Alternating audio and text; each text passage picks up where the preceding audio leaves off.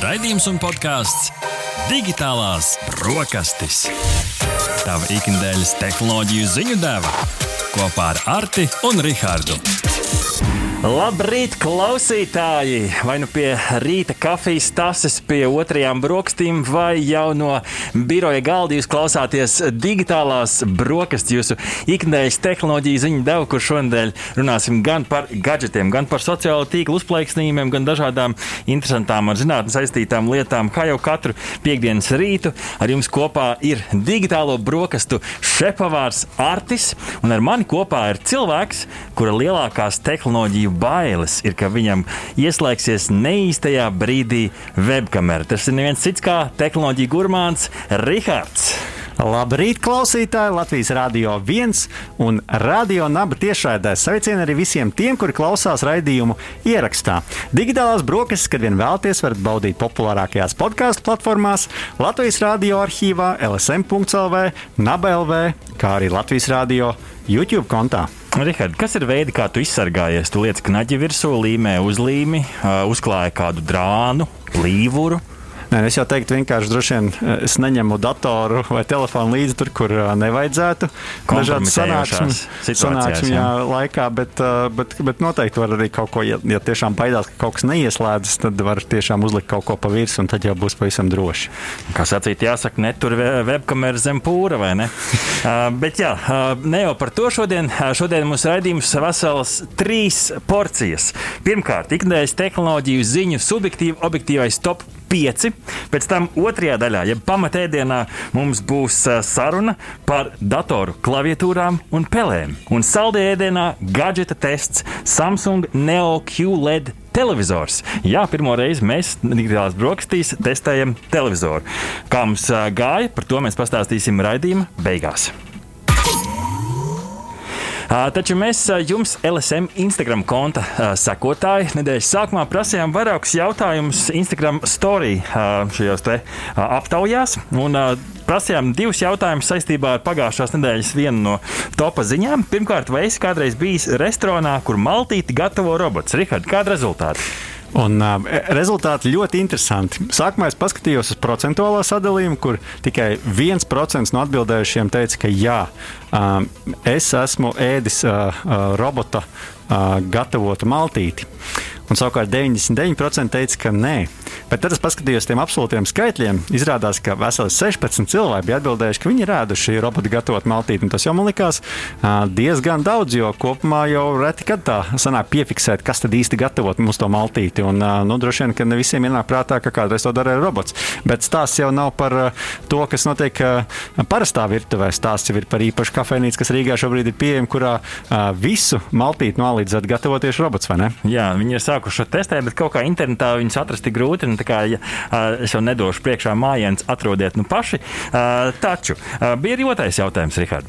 Jā, un tur mēs jautājām, ja cena būtu vienāda, vai tu izvēlētos robota vai cilvēku pagatavot ēdienu? Un šeit domas dalījās, protams, kā jau vienmēr, robots pavārs 21%, cilvēks pavārs 79%. Tātad šo cilvēku mīlestību tomēr cilvēki grib baudīt, un robots visticamāk šo pievienoto vērtību ēdienam nevarēs iedot. Ziņa numur viens. Šajā rītā sākam tehnoloģiju ziņas ar ābolu. Jā, patiešām daudz ābolu sakratuši mūsu digitālajā dārziņā, jo tehnoloģiju uzņēmums Apple aizvadīja savu izstrādātāju konferenci, kurā izsludināja vairākus jaunumus saistībā tieši ar programmatūru. Nevis jaunas ierīces, bet tieši programmatūras atjaunojumu, kā raksta techcrunch.com. Šoruden plašākai sabiedrībai būs pieejamas jaunākās operētājas sistēmas gan iPhone vietāluņiem, gan Apple planšetdatoriem, vietpūksteņiem un, protams, galda datoriem. Iesim cauri, jo jaunumu ir daudz, un šī ziņa tiešām šoreiz ir gara, bet uh, Apple cienītājus šis varētu interesēt. Pirmkārt, Apple uzlabos uh, FaceTime video zvanus ar pirmkārt telpiskāku audio skaņu un balss skaņas izcelšanu. Tātad slāpēs pārējos trokšņus, izcels balsi.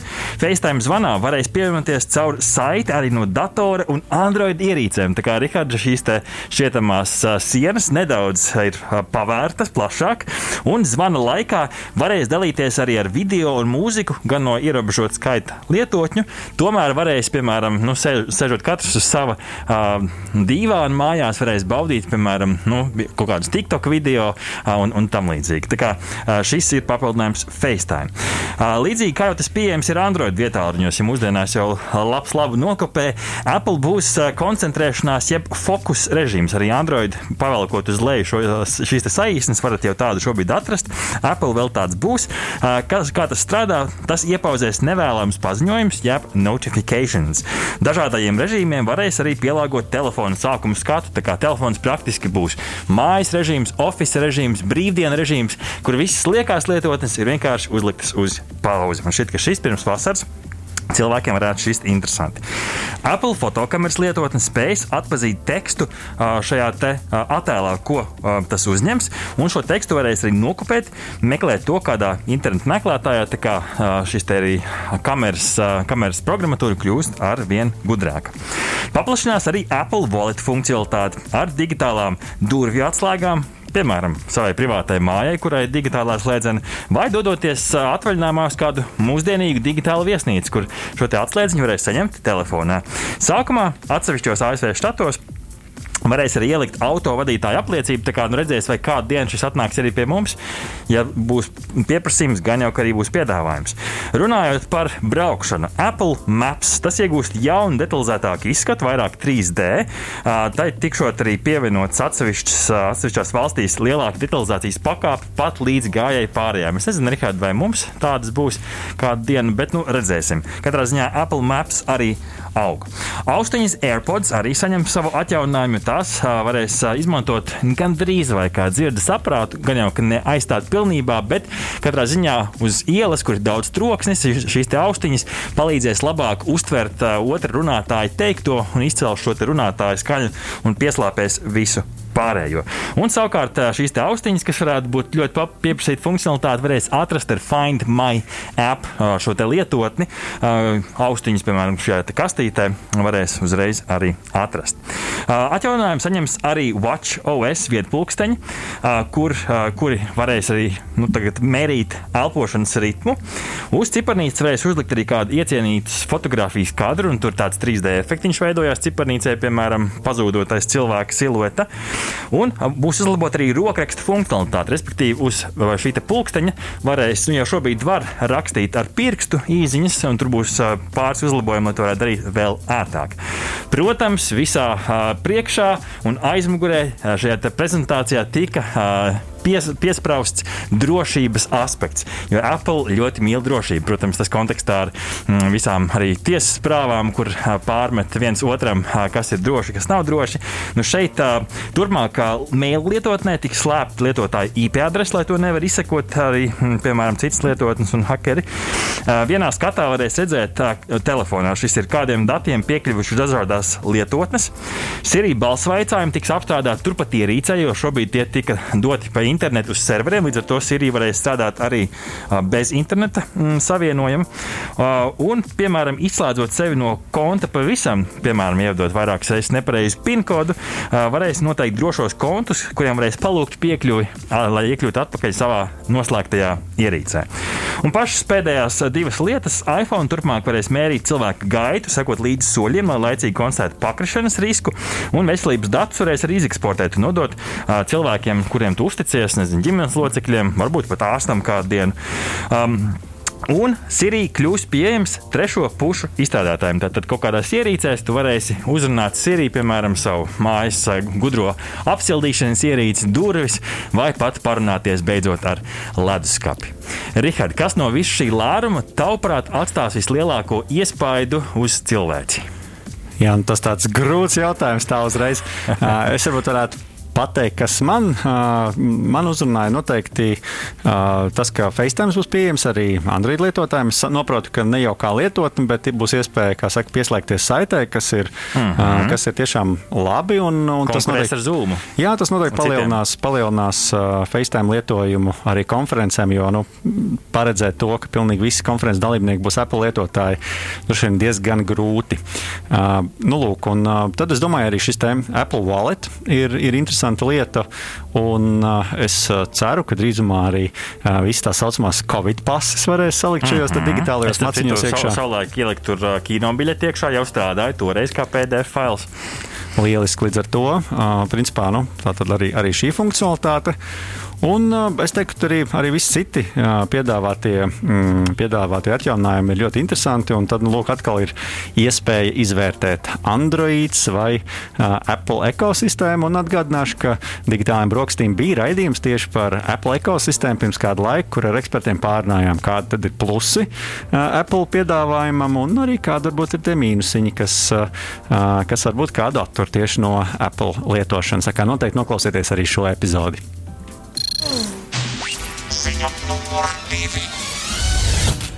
Sociālais tīkls Twitter turpina papildināt savu funkcionalitāti. Viens no jaunumiem ir Twitter Blue, jeb abonēšanas servis, kas dos papildus iespējas prasīgākajiem lietotājiem.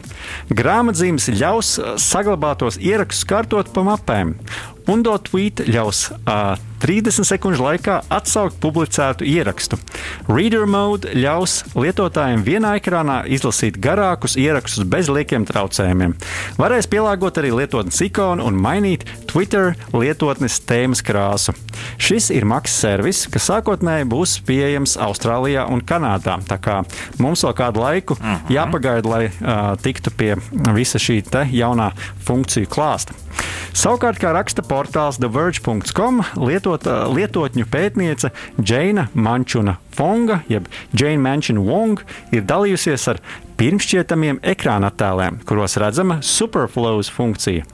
Tā ļaus par samaksu no satura veidotājiem iegūt ekskluzīvu saturu, ko neredzēs neviens cits, līdzīgi kā platformās Patreon un OnlyFans. Tātad nu, par šo uh, pats Twitter vēl neziņo, bet nu, ir noplūdusi informācija. Tā kā varam ieskatīties potenciālajā Twitter attīstības nākotnē. Uh, super follows, jeb super uh, sekotāji, vai Rihards, tavā Twitter uh, seko, nu, apsekoto cilvēku lokā ir kāds cilvēks, kuram tu uzreiz redzi, ka tu gribētu sekot uh, tik ļoti, ka tev arī nu, no maciņa tikt atskaitīts kāds eiro katru mēnesi? Uh, nu, droši vien, ka es domāju, ka Twitter algoritms jau šobrīd uh, man pielasa tos, mm -hmm. uh, tos uh, twitterotājus, uh, kuri, kuri varbūt man vairāk interesē. To es esmu pamanījis, ka pamatā es redzu kaut kādu noteiktu, kā mēs to mūsdienās saucam, burbuļa uh, ierakstus, bet uh, no otras puses noteikti tīri profesionāli.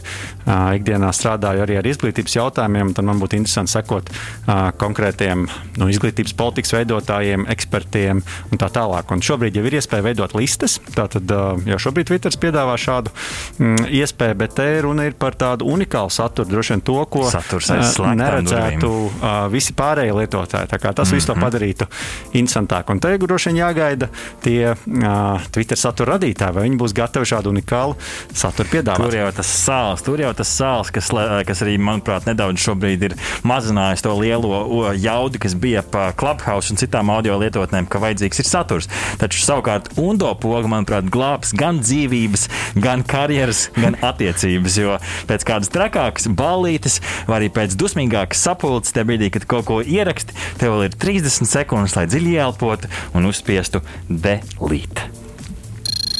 Ziņa numur 3. Kā portālā Delfi LV versijas sadaļā atklājas akcijas sabiedrības Sakret Holdings padomus priekšsēdētājs Andris Vanaks, Sakret kopā ar Rīgas Tehnisko universitāti ir izveidojis pirmo 3D betona printēšanas laboratoriju. Šī ir pirmā laboratorija Baltijas reģionā, lai panāktu, ka 3D tehnoloģijas varētu izmantot dažādu ēku būvniecībai Latvijā un Baltijā.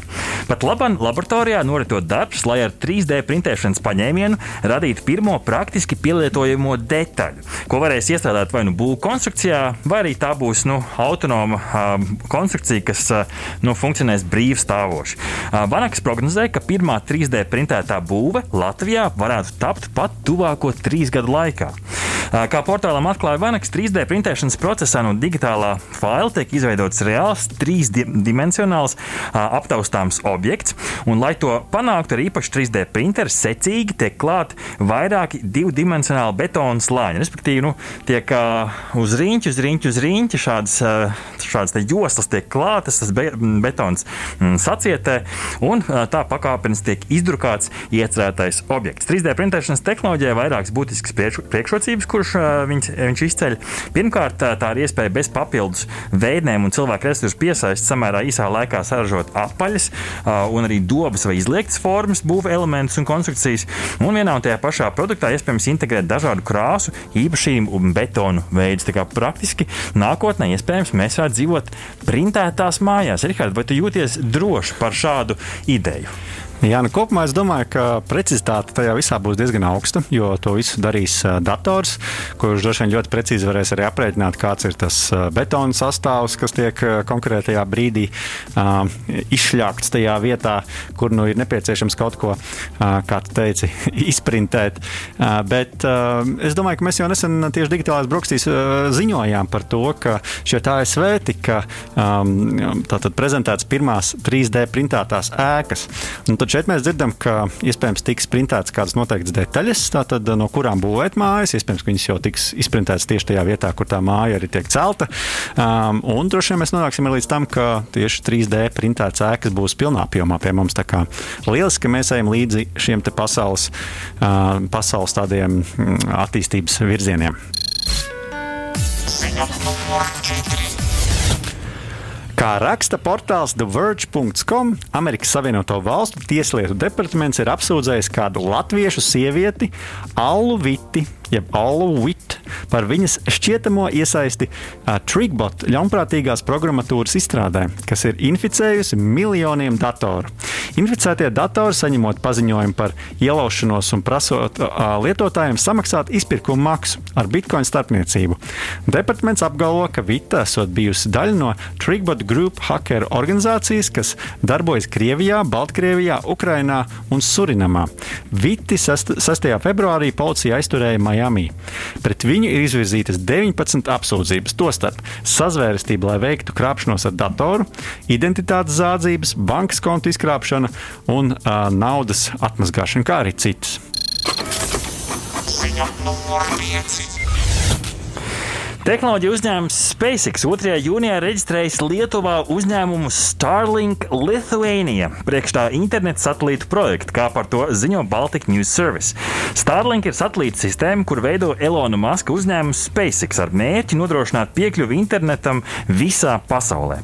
Lietuvas transporta ministrs Marijus Skodis apstiprinājis, ka esot notikusi sapulce starp ministriju un SpaceX, aicinot šo uzņēmumu uzsākt Starlink internetu piedāvāšanu Lietuvā. Lietuvai pēc iespējas ātrāk. Kā atklājas Kodis citēji, mūsu interese ir ļoti vienkārša, lai patērētājiem Lietuvā būtu plašs dažādu pakalpojumu spektrs un viņiem būtu pēc iespējas vairāk iespēju izvēles. Mēs arī vēlētos, lai šādi pakalpojumi, jeb šis satelīta internets, Lietuvā parādītos pēc iespējas ātrāk. Citāta beigas. Lietuvas uzņēmumu vadīs Lorēna Ešlija Drejere. Labas ziņas, manuprāt, Rihard, arī mums. Ja būs Lietuvā, gan jau, ka tie stari arī pārklās Latviju. Jā, tieši tā. Un es domāju, ka tas savā ziņā, protams, ir tāds neliels uh, reklāmas triks. Jo protams. droši vien, ka šie Starlink satelīti tāpat noseks Baltijas valstis. Bet, protams, no otras puses, internets tiešām ir mūsdienu galvenā artērija, pa kuru plūst informācija. Un ir lieliski, ka arī mūsu kaimiņiem lietuviešiem būs pieejami šādi pakalpojumi. Tāds lūk, šī rīta tehnoloģiju ziņu top 5, taču palieciet kopā ar mums, jo jau pēc muzikālās pauzes mēs parunāsim par tādu ierastu lietu kā klavitūras, peles un varbūt pat citām perifērijas ierīcēm. Hmm. Hmm.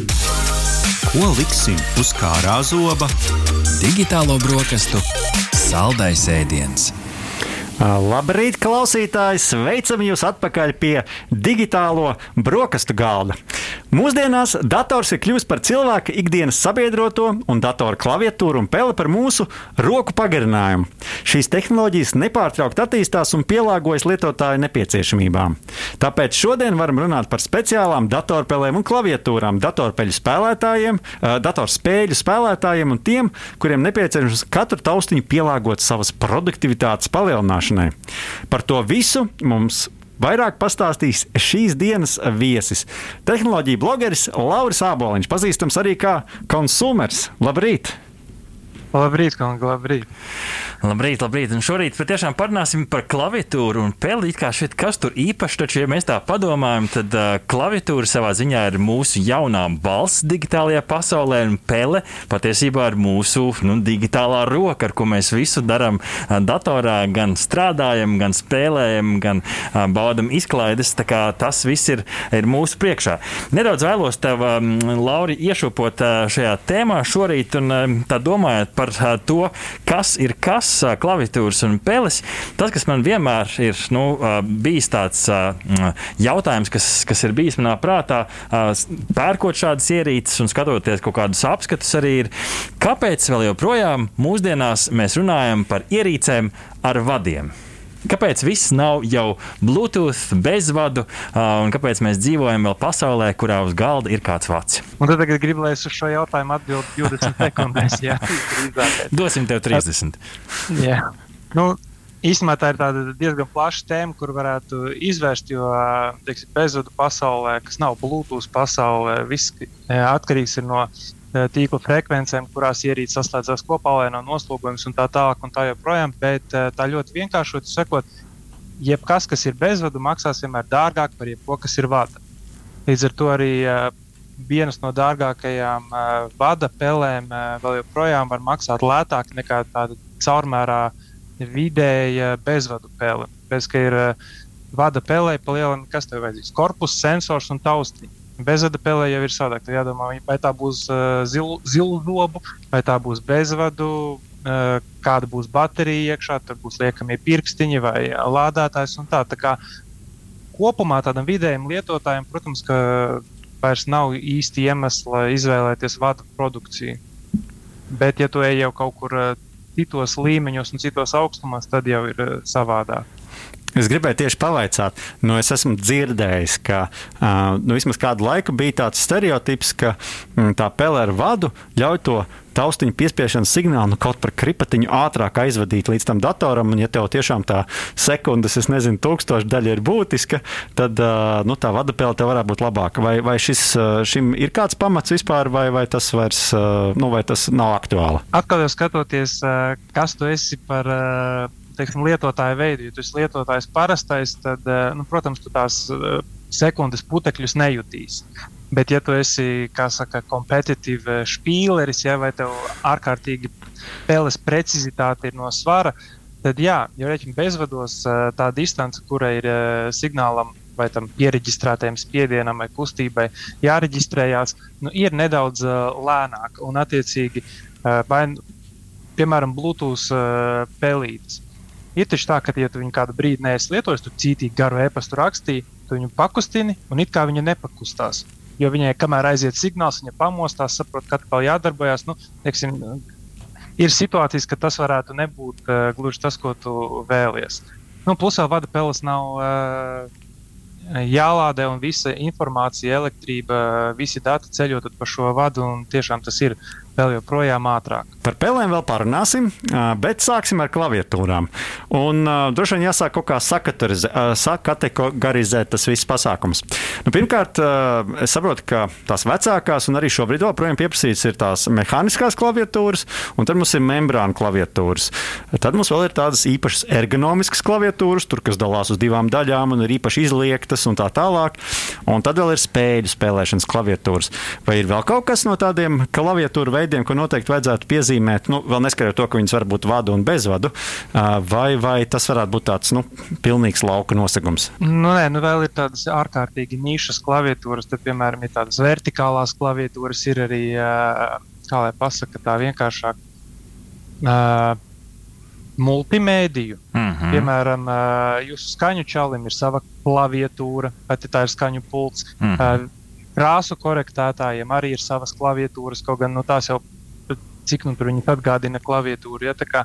Ir arī tādas ļoti, ļoti nišas klaviatūras. Ar ko varbūt atšķirās tāda spēļu spēlētāja, jeb gameru, kā mēdz tos saukt, klaviatūra no pārējām? Tās jau parasti ir tādas spīdīgākas un vairāk krīt acīs ne, nekā tās parastās ergonomiskās. Nu, tieši tā, tā arī. Nu, ja mēs noliekam malā to, ka tās ir mehāniskās pārsvarā, tad jā, tās atšķirās ar cenu un ar to, cik žilbinoši tās izskatās. Tas ir tas galvenais. Ja no, no paras, ja, ja teiksim, mammai būtu kādai jāpaskaidro, kāpēc manam dēlam tagad vajag 80 eiro klaviatūru, ja es varu pasūtīt par 12 eiro klaviatūru, nu,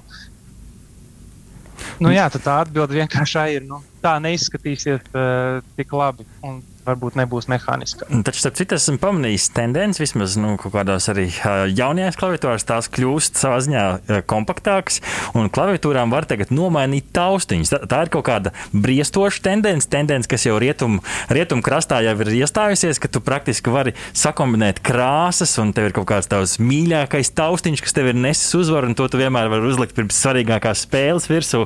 Šis ir kaut kāds trends vai arī, vai arī kaut kāds nu, mirkļu uzplaiksnījums.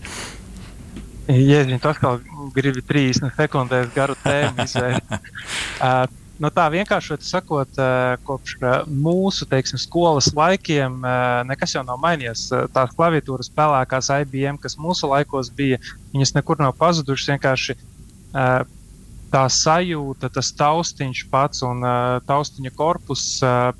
Jā, viņi atcīt kaut kādā mērā nostalģiju, bet, teiksim, jaunākajai paudzei, nu, kāda nostalģija, viņiem neko tam līdzīgu neatcerās.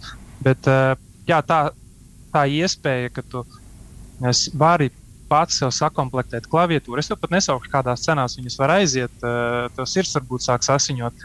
Bet eh, jā, tas nav tāds trends, kas ir eh, nezināms. Tas vienkārši ir nu, beidzot nāk no pagraba ārā un ir populārāks un pieejamāks, tāpēc ka globalizācija un visu var pasūtīt. Un, un tad jau tu tiešām tāds skatīties un uh, likt kopā savu klaviatūru vai, vai nu pēc krāsām, vai nu pēc taustiņiem, vai pēc sajūtām, ko tu no tās gribi dabūt. Es tomēr pajautāšu tādu tehnisku jautājumu. Nu, it kā tad, kad nu, mēs lasām par to, un mēs esam arī dzirdējuši, nu, ka tās mehāniskās klaviatūras, nu, tās nu, gan ir labākas nekā tās membrānu.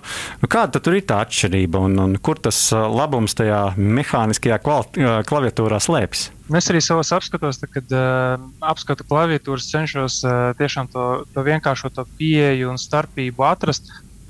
Nu, ir grūti tā vienkāršot tās atšķirības uh, pastāstīt. Nu, membrāna nozīmē, ka tev uh, tiešām ir uz tādas gumijotas membrāniņas taustiņš. Viņa pārsvarā būs tāda klusāka, mierīgāka, mehāniskā. Pārsvarā ir tāda rīktīva trokšņainie varianti, nu, kā piemēram man tagad ar ko priekšā ir mana mehāniskā, un tad uh, viņa grab un plab un uh, ir viss pārējais. Bet viņai ir atkal pilnīgi cita sajūta, kuru tu gribi dabūt. Un tad ir trīs tipu taustiņi, starp kuriem tu vari izvēlēties, vai tādi klikšķīgāki, vai tādi lineārāki, vai ar atsitieniņu savādāku. Membrānu klaviatūrām tu īsti nevari pats nomainīt iekšā, cik ātri tev taustiņš piespiedīsies, lai reaģētu uz tavu pagriezienu spēlē vai vēl kaut ko. Un tad tu Nu, tās tās galvenās uh, atšķirības. Es šo visu salīdzinu ar uh, to pašu fenomenu, kas ir dur, uh, automašīnas durvju aiztaisīšanas skaņa, ka tur ir pilnīgi vesela zinātne, ka lai tikai skan pareizi, lai tā sajūta ir pareizi aizverot durvis. Man šķiet, ka līdzīgi varētu būt ar klaviatūrām. Uh, taču, Jā. ja mēs paskatāmies uz kaut kādām nu, tādām, varbūt šobrīd vēl nišas lietām, nu, ir redzēts ziņās gan uh, klaviatūras, kas ir izrullējamas, klaviatūras, kas projicējās uz, uz galda. Kā tu vērtē, tas šobrīd ir tāds klaviatūru fetišs, vai arī tas ir kaut kas, kas kādu dienu varētu pārņemt šīs fiziskās pogas? Kādu dienu tas viennozīmīgi vidējiem lietotājiem pārņems uh, fiziskās pogas. Uh, Un ir tiešām ļoti daudz ražotāju spēlējas ar šiem konceptiem, bet tas viss pagaidām ir spēlēšanās, jo ir jāsaprot, eh, gan kas tad projicēs, vai kā tiks tava pirkstu kustība iztulkota tam aparātam, lai, eh, lai to varētu rakstīt. Bet jā, arī tā liekas, ka pilns eh, AliExpress un Amazonas un eBay ir ar kaut kādiem maziem turnīšiem, kas tur noprojicē klaviatūru, un tu, tu tur tādā pustizlā versijā vari mēģināt spaidīties. Nu, ko, esam nedaudz par klaviatūrām pārunājuši, vai ne? Varam ķerties klāt pie tām datorspēlēm. Nu, tas arī ir ļoti svarīgs instruments. Man liekas, ka pat ikdienā reizēm sanāk vairāk strādāt ar peli nekā ar pašu klaviatūru, jo tagad jau daudz ko var, kā saka, vienkārši saklikšķināt, izsakoties tautas valodā. Un nu, tad atkal peles mums ir parastās, tādas, ko mēs varam nopirkt nu, katrā lielveikalā.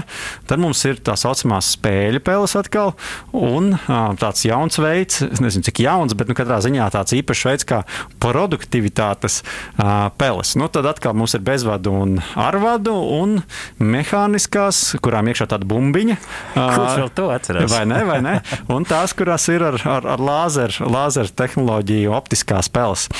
Uh, varbūt te ir vēl kāds papildinājums, kāda peļu veidi mums ir šobrīd pieejami. Šobrīd uh, primāri arī ir tā, ka ir uh, divi galvenie veidi, kas ir uh, lāzera un optiskās spēles, un tās nav viens un tas pats.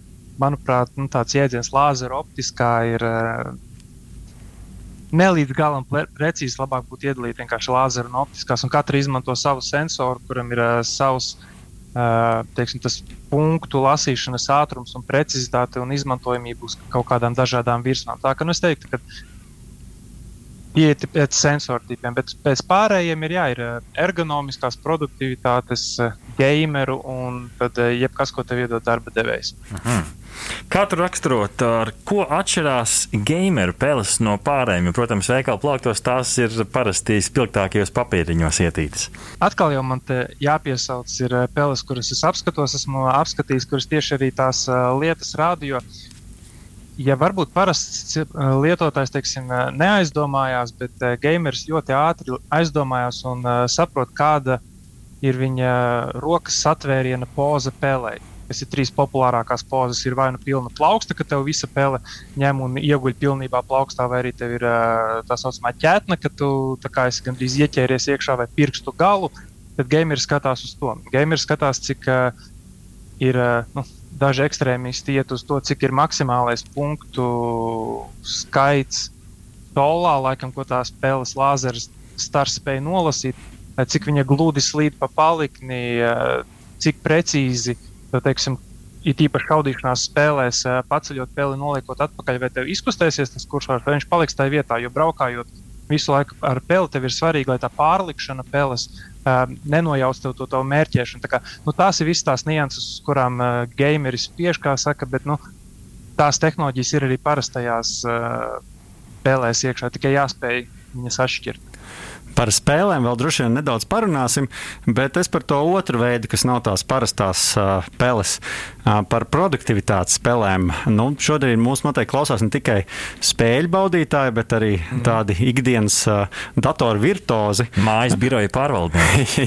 Jā, tieši tā.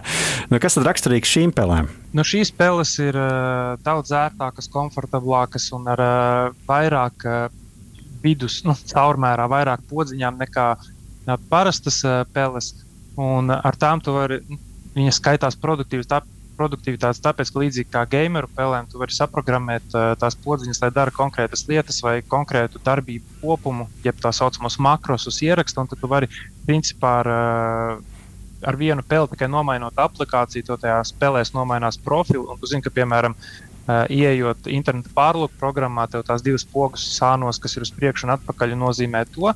Tu ieej, piemēram, Wordā, un viņas tev nozīmē jau, piln, tu esi ieprogrammējis, lai viņas darītu kaut ko pilnīgi citu. Un tur arī slēpjas tā produktivitāte, ka tu viņas vari sakonfigurēt. Tad, piemēram, es varētu vienai peles pogai uzlikt tādu, nu, kas, piemēram, kaut kur sānos ir ja, tādu makros, ka man ir uz, piemēram, kaut kādu vienu e-pastu jāatbild ar, ar vienu tekstu, ko es parasti iekopētu vienu un to pašu kā saka, neatkarīgi no tā, kam es to atbildu.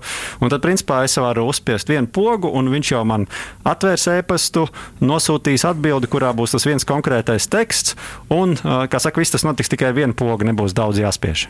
Nu, tā vienkārši sakot, jā. Protams, cits jautājums, vai tu spēsi ierakstīt uh, pareizi to makros, vai tev viss tur atradīsies tajās vietās. Bet, jā, idejiski tu pat, pats paņem to kaut kādu darbību kopumu un ierakstu, un tad tik palaid. Kompliments, starp citu, LSM Instagram konta sekotājiem. Mēs prasījām, vai kādreiz cilvēki ir pielā, pielāgojuši peles vai klaviatūru taustiņus šīs funkcijas, un gandrīz dalījās 50 uz 50. Tādā ziņā diezgan, diezgan vieda auditorija. Hey. Tā kā nu, prieks, prieks par to, un cerams, ka vēl vairāk cilvēku no pēc šī raidījuma sapratīs, ka var kaut ko uzprogrammēt un pielikt klāt. Kas kopumā varbūt ir tā lielā tendence pelēm, ko tu esi novērojis? Gameru peles, spēlētāju peles iet pa priekšu, vai ir kaut kas cits, kas šobrīd nosaka kaut kādas tirgus tendences? Pilnīgi abi tirgi iet uh, savā virzienā ar savām prioritātēm. Uh, piemēram, produktivitātes peļu saistībā tiešām ir uh, patīkami skatīties, kā daudz un dažādas lietas parādās, lai veicinātu to produktivitāti. Daži iet uz absolūtu minimālismu, kā piemēram Apple tas trackpads, ja, kur tev nav nekā, tikai vienkārši flūda virsma. Daži iet uz ļoti tādām trakām pelēm, kā tur Logitecham ir MX Master, diezgan leģendāra produktivitāte tāda spēļu sērija. Uh, Gamer savukārt vēl joprojām viss ir, lai tev iet ātrāk, uzticamāk, precīzāk un kalpo ilgāk. Tā, ka, nu, Nu jā, vienmēr sakot, ir dažādi virzieni, bet arī Latvijā mums ir viens piemērs, viens jauns uzņēmums, kurš ļoti aktīvi, nu nevis aktīvi, bet aktīvi iesaistās šajā cīņā par, par um, gameru spēļu peļu veidošanu. Un, nu, viņas pat ir grūti raksturot, kādas tās spēles izstrādāt, bet katrā ziņā viņiem ir daudz dažādu pogu un daudz dažādu pielāgošanas iespēju katra cilvēka vajadzībām. Un, nu, viņi ir iekarojuši tiešām tādu specifisku, interesantu video spēļu cienītāju nišu ar savu unikālo produktu. Kādas ir tavas domas par šo produktu un vai tas mainīs spēlēm domāto datorspēļu pasauli? Mēs runājam par Azeronu spēlēm. Jā, jā, Azeronu, jā. jā, tieši tā. Es īstenībā teiktu, man liekas, ka Jānis Kulbārds, kas ir viņu speakers, arī pakratīs pirkstu, puiši tā nav pele. Tā ir klaviatūra. Hibrīds. Bet, jā, jā, bet īstenībā Azarona es pat teiktu, ka viņi nevis ir izkarojuši, bet viņi ir atraduši ļoti fantastisku iepriekš ļoti minimāli apgūtu uh, sfēru šajā datoru perifēriju tirgu, kas ir tiešām priekš spēlētājiem vai priekš pat jebkura cita arī produktivitātes lietotāja, kur, ja tu negribi visu laiku pa klaviatūru braukāt, tev viss tavi taustiņi ir vienas rokas. Es gribēju teikt, attālumā, tvērienā, tvērienā. Bet, jā, vienā tvērienā, un tev tās distances, kas ir, vai tas laiks, kas ir jātērē, nospiežot, piemēram, ar kreiso roku pēc austiņu spēlē, nu, tev nav vairs tā distance, tev vairs nav tas laiks, tev viss ir uh, ap pirkstiem, un īsnībā tas ir diezgan fantastisks stāsts, kā viņi ir uh, sākuši un uh, tiešām pierādījuši to, ka viņu produkts ir uh, ļoti labs un viņš ir arī 3D printēts. Uh, pilnīgi viss tur uh, Vēnspīlī tiek darīts. Man pašam ir bijusi iespēja nedaudz paspēlēties ar to. Es gan vairāk nevis tā tipa spēlēm, kurām tiek paredzēta tā klaviatūra, es to izmantoju. Tiešām skaties produktivitātē, savu video montēšanā, vai man tas palīdz, vai man tas nepalīdz, vai tas atvieglo vai neatvieglo dzīvi. Un īstenībā ir pilnīgi neticama sajūta, ka tev ir klaviatūra ar uh, konsoles joystiku iekšā un visi pat vērienam. Nu, smadzenē ir baigi jāpārslēdzas no tā tradicionālās lietošanas. Es tieši domāju, vai nav kārtīgs prāta mežģis, laikam jau ir, bet uh, es ceru, ka šī, uh, šis rīts daudziem uh, nākamreiz stāvot pie perifērijas uh, plaukta veikalā uh, palīdzēs labāk saprast, kas ir kas uh, attiecībā uz spēlēm un klaviatūram. Protams, ir vēl daudz ierīces, kuras mēs varētu apskatīt un cerams arī uh, kādu dienu kādā raidījumā apskatīsim darīsim. Teiksim paldies Laurim Aboliņam, jeb konsumeram, tehnoloģija blogeris un eksperts. Paldies, tev, ka pievienojies, un tad jau uz tikšanos kādā no nākamajiem raidījumiem. Jā, super, paldies, puiši, kā vienmēr prieks ar jums bija būt. Lai jums vēl veiksmīga diena un raidījums. Tā. Paldies! Un pēc muzikālās pauzes mēs apskatīsim kādu unikālu gadgetu, televizoru. Pirmo reizi ir digitālās brokastis, apskata televizors. Kā mums gāja, par to jūs vēl dzirdēsiet. Laiks palutināt savas tehnoloģiju garšas kārpiņas ar ko īpašu. Saimniek! Viena maza gadžetiņa. Labrīt! Laipni lūdzam atpakaļ digitālajās brokastīs un saldē ēdienā gadžeta apskats. Jo pirmo reizi digitālās brokastis testēja ekrānu, kas ir lielāks par plaukstas izmēru. Televizors, kas izceļas uz pārējo fona ar tā funkciju piedāvājumu un kvalitātes solījumu. Bet vai tā ir konfekte, spožā papīriņā vai arī tendenci veidotājs? Kā mums veicās, to mēs noskaidrosim.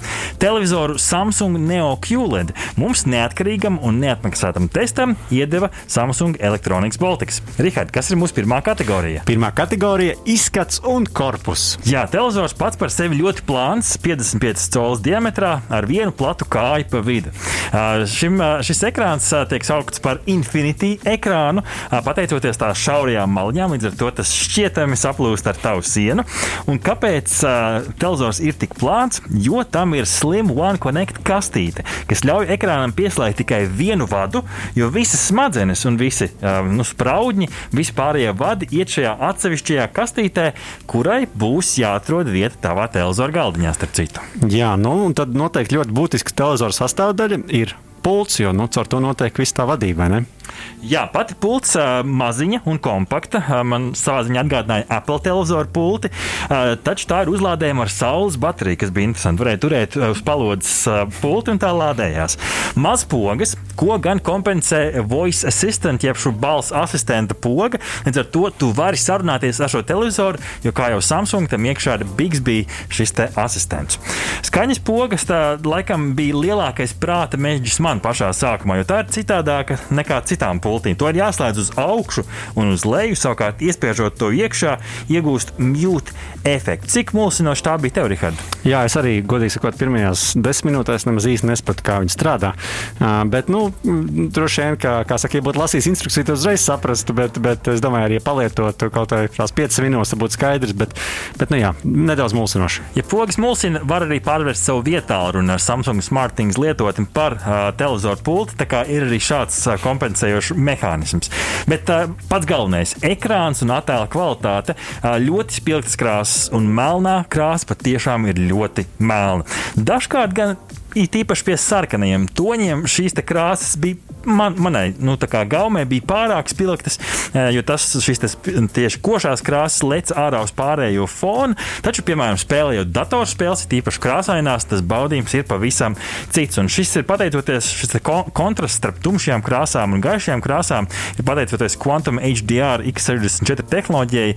Jeb šo tumšais ir patiešām tumšs un gaišais ir patiešām gaišs, pateicoties mazajām LED diodēm, kas ir šajā televizorā iekšā. Un, lai gan uh, ir tik spoži un melnais ir tik melns, nu, vecā labā problēma ar logu aiz televizora joprojām, diemžēl, nebija atrisināta un kaut kādos brīžos bija redzams, taču spilgtums ir patiešām, patiešām iespaidīgs. Kā Rikārd ir ar to detalizācijas pakāpi?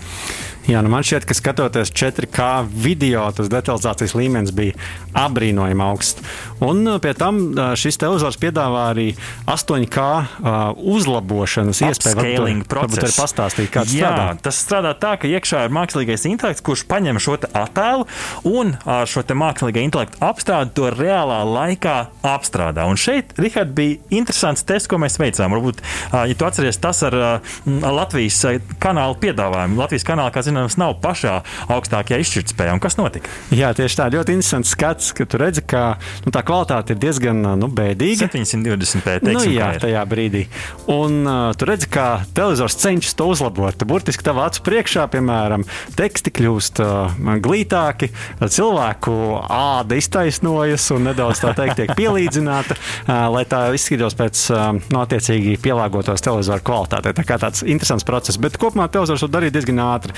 Mēs noteikti nevērtētu, ka tas bija izcili, bet uh, kopumā. Nu, Jā, bet tiešām smalkākās detaļas, piemēram, ainavā, tur skursteņi un tam līdzīgi, nu, var redzēt, ka raustās. Nu, tas mākslīgais intelekts joprojām mocās, nevar saprast, nu, kā, Kas šo ir? skursteni. Jā.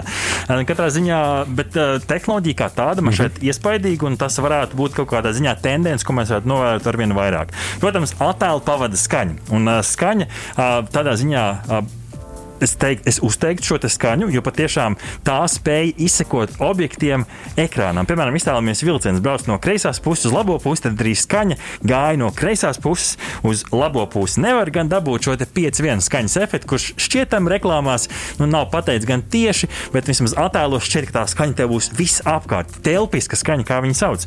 Un taču šī skaņa vairāk ir nevis telpiska, bet frontāla, frontāla telpiska.